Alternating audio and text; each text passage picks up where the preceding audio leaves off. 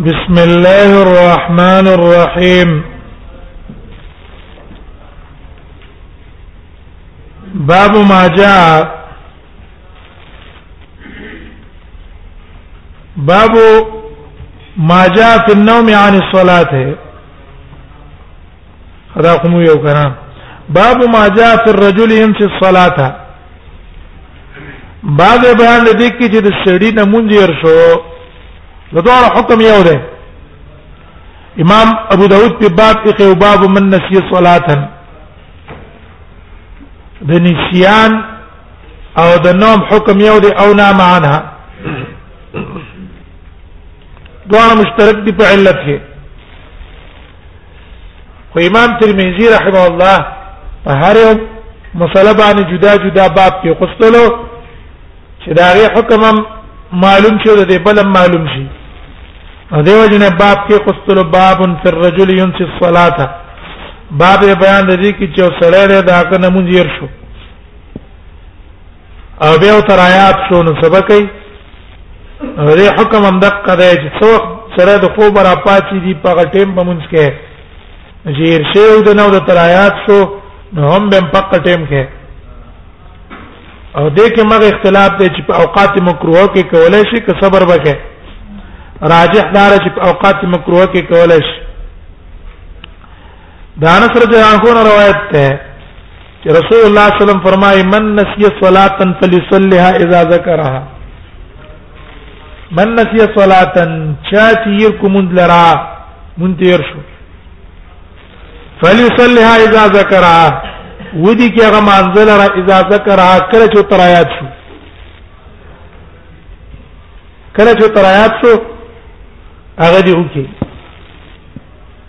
کاګر کا اوقات مکروه دي وفي الباب ان سمر وابي قتاده په دې باب کې د سمره نم روایت ته د ابو قتاده نم روایت ته ابو قتاده روایت مخکې تیر شي لمن نام من من نسي صلاه اذا نسي احدكم صلاه او نام عنها فليصلي اذا ذكرها ما روایت ابو قتاده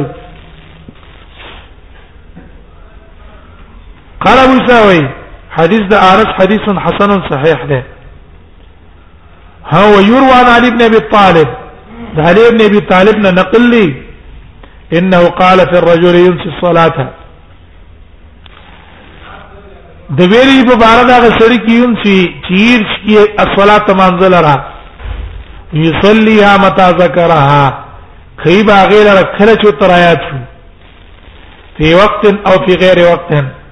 کدا غي وقت یو کنه مکرو وقت دی که غیر مکرو وقت دی که وقت تی وتلی او که لا وتلی نه هم دک ټیم دی او دې ته قضا نه وای دې ته بس نه وای قضا به وته نه وای ول رسول الله صلی الله علیه وسلم په نظر کا وقتها او دا قول د امام احمد هم ده او دا قول اسحاق بن راهوی هم ده او دا قول د ټول محدثین هم ده او يروى عن ابي بكر ابو بکر نه نقل لې انه نام چې دې او د شیو عن صلاه العصر د مازه د مازیګر نه فاستيقظ عند غروب الشمس نورایت شو په وخت غروب الشمس کې فلم يصلي هغه اونکو حتا غربت الشمس تر دې چې نور پریوتو وقد ذهب قوم من اهل الكوفه الى هذا او سقوم د کوفه والا احناف علما دي هغه دا قول کړی دی چې په اوقات مکروه کې بدا کېنه خدا وای ټیک ده ابو بکر دا عمل کړی دی خو دا حدیث کو تر څه دی په لسل اذا ذکر او یاد ده چې ټیک دا تر آیات ته خجو بل فور خو په لازم نه ده کنه دا وسور کوي چې ودره کدا غروب مو شي ویو کما دا مستلزم دی نه ده یګنه په دې ټیم کې مون جائز نه ده قضا جائز نه ده هو اما اصحابنا زمن اصحاب چې دي فذهبوا الى قول علي بن ابي طالب دا اصحاب څوک دي او پاول کې مونږ ویلي چې سید هذا چې امام ترمذی محدث ده بچا مقلد ده نه دا چې کسانو خبرې کړي چې امام ترمذی څوک حنفي او دا حنبلي او څوک شافعي او نه دا محدثین نه چا مقلدین نه دا په خپل مجتهدین دي بابونه دي مسائلم مراوري او داغه استنباط هم کوي نه دا مقلدین نه چانه او اصحاب نه مراد محدثین نه یار چې محدثین دي دی په قول عالم باندې قول کړه چې په اوقات مکروه او کې قضا کیږي صبر بوته نه کوي باو ما جاء في الرجل تفوته الصلوات ايته بايتهن يبنى باب بیان دې کې چې سره دې ډیر منځونه ته قضا شي بأيتهن يبدا فكم يوب شروع کوي مسله غدا دا چې ترتیب بین الفوائد آیا دا ترتیب بین الفوائد واجب دی او کنه نه د امام شافعي رحم الله مذهب دا ده چې ترتیب بین الفوائد واجب نه ده ها افضل له ترتیب بین الفوائد افضل له واجب نه ده مثلا تا نه ماسپخین من قضا شو ماسپخین من نه قضا شو او تر لګیږي وس د ما ماجګر مونږ ده ماجګر داخل شوی نو امام شافعي رحم الله وايي کتره اولګېدلې د ماسپخین مونږ د مخ کې وکړو رستو د پسې د ماجګر مونږ کو دا ستاسو لپاره بهتر ده ترتیب افضل ده لیکن کتر اوله کېدلې ماجګر مونږ د مخ کې او کو سره تذکر نه تا تخرایات دي خدای ترایات دي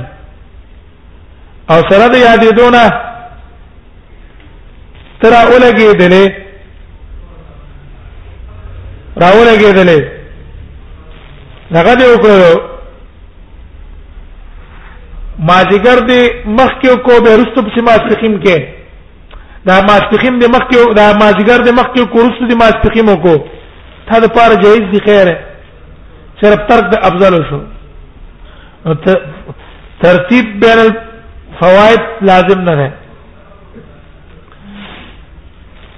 دیم قول د جمهور علماو ده جمهور علماو لکه مالکیانو او احنافو دا علماو چې ترتیب بین الفوائد ته لازم نه ده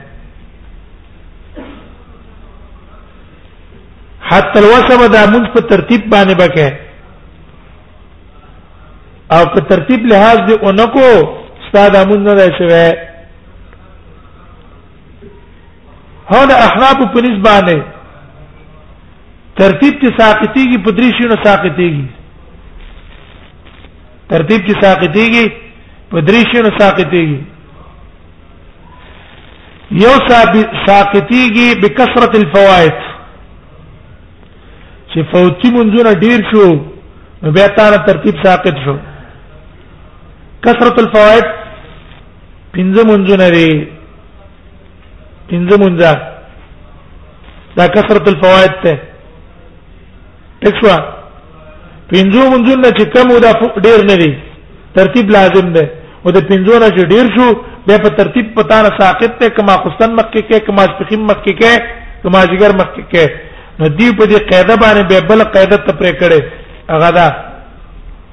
تر ما شپخیم من قضا شو ما جګر منځ کې او خط ما شپخیم منځ را یاد ده هغه نه کې ما جګر کې نستا دا مازیګر مونږ دا وسره دا د جهات ده دا من وجه باطل هم نه من وجه صحیح نه کدی پسید د مازیګر مونږ پسید ماسپخی مونږ کو مازیګر د باطل شو مازیګر مونږ څه شو باطل شو ولې تا ترتیب لحاظ ونکو او چې هغه دې اونکو ماقام مونږ دې کو ماسپخیم د ترایات ده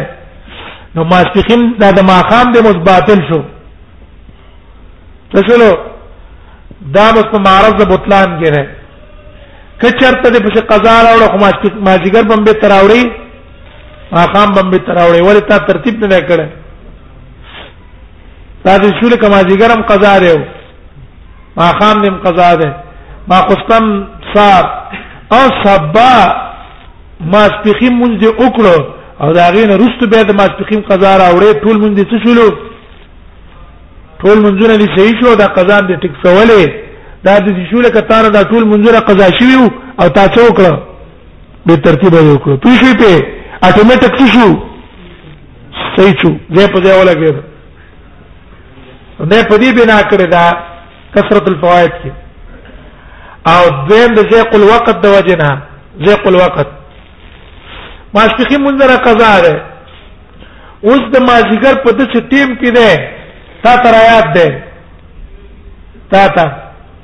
هغه قضا منځ تر آیات ده خو د څه ټیم ده که په دې کې تد دې څلور رکعات ته د ماسپخین کې مازیګر نه قضا کیږي نور د باندې پریوزي او کما جګر کې ماسبخي مقطع نه ملاويږي نو په دې وخت ترتیب تا نه ساقط ته ول ما جګرو کا بیرستو ما ماسبخي په څو کې خیر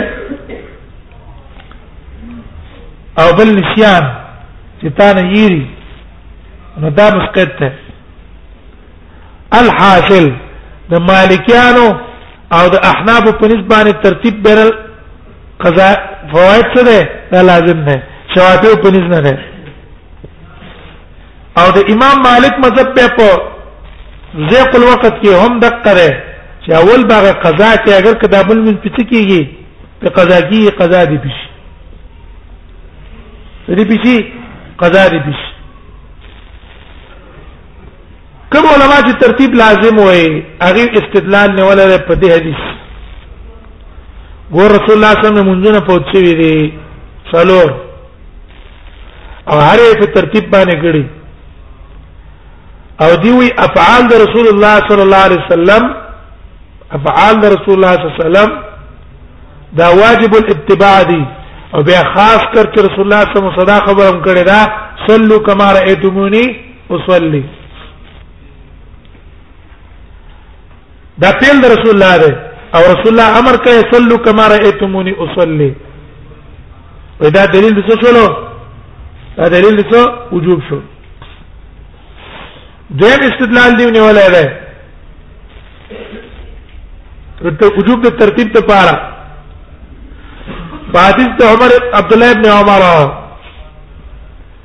موطا د مالک هم راوړی امام بیهقي هم راوړی دار قطنی هم راوړی موقوفا هم نقل له مرفوعا هم نقل له لیکن موقوف صحیح دی په نسبت د مرفوع عبد الله ابن عمر وایي چې امام سره ته په مانځ کې شامل شې او تا ته مخکې مونږ نه پاتیو او هغه د ترایادو نو که چرته د دې امام د فراغت د مانځنه بعد هغه قضا کو دا موږ باندې ترا ګرځه دا کوم چې امام څه کړه هغه را ګرځه او د امام څه چې کم کړه هغه بم به ترا ګرځه وګوره دا معلوم چې ترتیب څه ده لازم ده کنه درته ترتیب لازم نه دی مونږ چې امام څه دی وکړو دې را ګرځول ته ضرورت نه او سید علی جدا موقوف پچا ده دا په عبد الله ابن عمر ده دا هغه قول ده شوافیت جواب کوي چې ټیک ده رسول الله صلی الله علیه وسلم دا عمل کړی دا خدای عمل محمول له فضلیت محمول له افضلیت نه په وجوب باندې امام ترمذی اوس دا مسله ذکر کوي باب ما جاء في الرجل تفوته الصلوات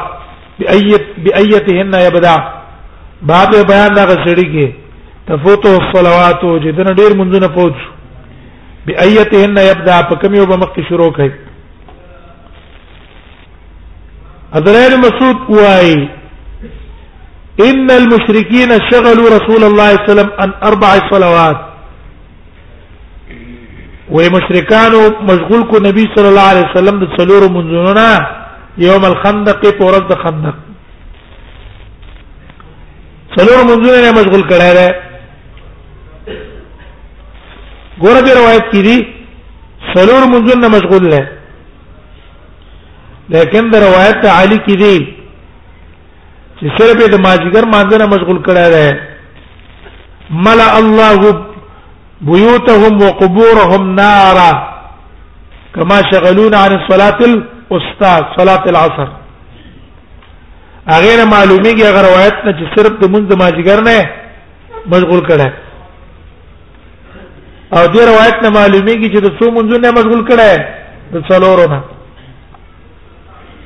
ظاهر کې دې روایتونو منځ کې تعارض ده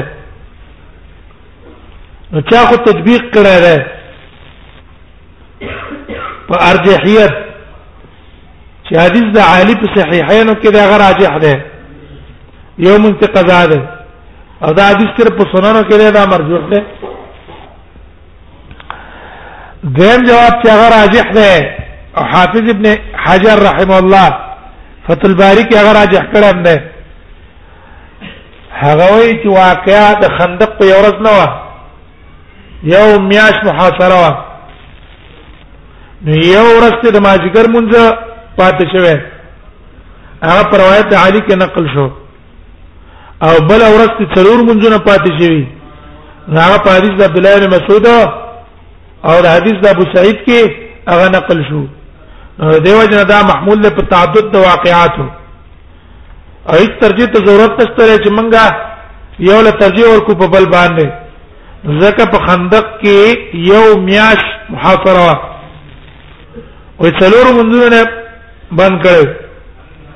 او دا وخت لا صلات خوف نو راغله صلات خوف به رست راغله حتا ذهب من الليل ما شاء الله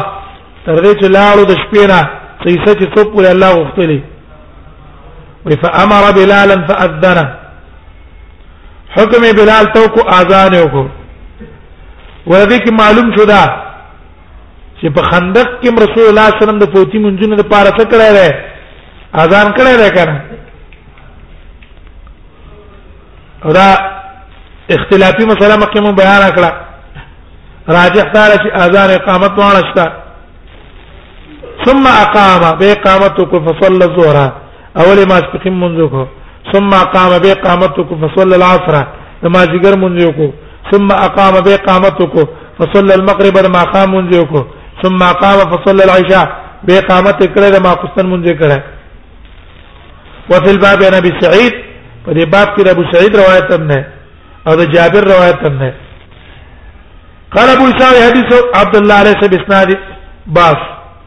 دا پاس حدیث د عبد الله چې ده د عبد الله مسعود ليس باسناده باس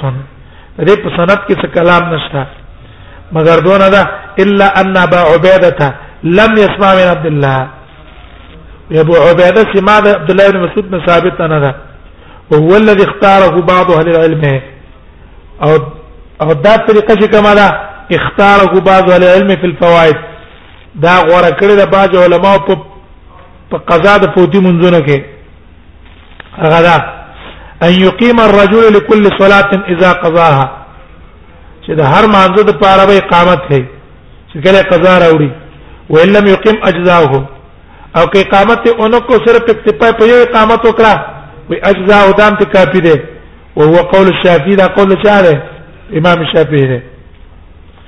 لیکن نور علما وی چې نه اذان به کوي او د هر مانزه د پاره بس کوي قامت به جدا جدا کوي وبي قال سمع بن بشار قال سنا معاذ ابن الشام قال سنا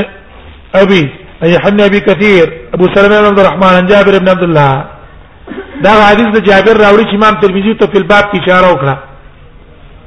جابر بن عبد الله ان عمر بن الخطاب قال يوم الخندق ويمن بن خطاب په خندق کې ویل وجعل او شروع شو د شروع شو يسب كفار قريش خیره کوي کافرانو د قريش وتا رته خیره کوي چې الله دې تباج الله دې ولاکی قال يا رسول الله بي بلد الله پیغمبر ما كنت اصلي العصر نزدي نو ما چې ما د ما جګر مونږ کړه د ما كنت معنا څه ده ما كنت معنا دا ده چې حتى تغرب الشمس نږدې نو ما چې ما مونږ کړه تر دې چې نور پرې وته وې خو څه مې وکړه اې دا کادا کادا عمل سره نه پی باندې چې کی اثبات کوي او په اثبات چې داخل کې جحود کوي نه پی کوي کنه وما كاد يفعلون ما صدا ما كاد يفعلون نږدې نو چې دا کار کړه خو څه وکړلو وی کړو عام علما دا وایي ما کتو اصل العصر وې دې معنا دا ده چې نږدې نوم چې مازیګر موږ مکړه حتی تقرب الشمس تر دې چې نور پرې وته وې خو څه مې وکړلو او مې کړو بیا سوال دا راځي په دې معنا چې عمر ابن خطاب څنګه مونږ کړه رسول الله کوم مازیګر مونږ پوهڅه راکنه شغلون عن الصلاه الوسطى صلاه اوستانه مشغول کړه ده نو عمر څنګه وکړو حافظ ابن حجر جواب کوي چې کېدای شي دا وخت د ماجګر دی جنگ سخت جنگ شوی او لګ دی وخت د غروب کې په لګ دغه راغله تخفیف عمر بن خطاب تیار او دشتا او د نور او دس نشتا عمر ویری چې راشه او دس مشته د مونږه مشته د مونږه کړه مخکې مخکې د غروب نه خدا اول وخت ته پیرستو شوی دی ځکه ما کت وصلی العصر حتى تغرب الشمس فقال رسول الله صلی الله علیه وسلم والله ان صليتها قسم په الله ما نه کړه ان پیره ما نه کړه قال فنزلنا بطحان من كشوا خورتا بطحان وزن عثمان نه او خورته وي هغه ته ورالو فتوضا رسول الله صلی الله علیه وسلم نبی صلی الله علیه وسلم توضا وکړو وتوضا انا منګه موضا وکړو فصلى رسول الله صلی الله علیه وسلم على صبح بعد ما غربت الشمس نبی صلی الله علیه وسلم د مقام ما جګر وکړو بعد ما غربت الشمس فزای جنور په وتلو ثم صلى بعد المغرب به په ظاهر مقام منځ وکړو دا دلیل دی لپاره چې پوتی مونږ نه څه کول پکار دي دا په ترتیب باندې کول پکار دي هاذا حدیث حسن صحیح باو ما جاء في صلاه الوسطى انها العصر صلاه استاقم ویره ده نو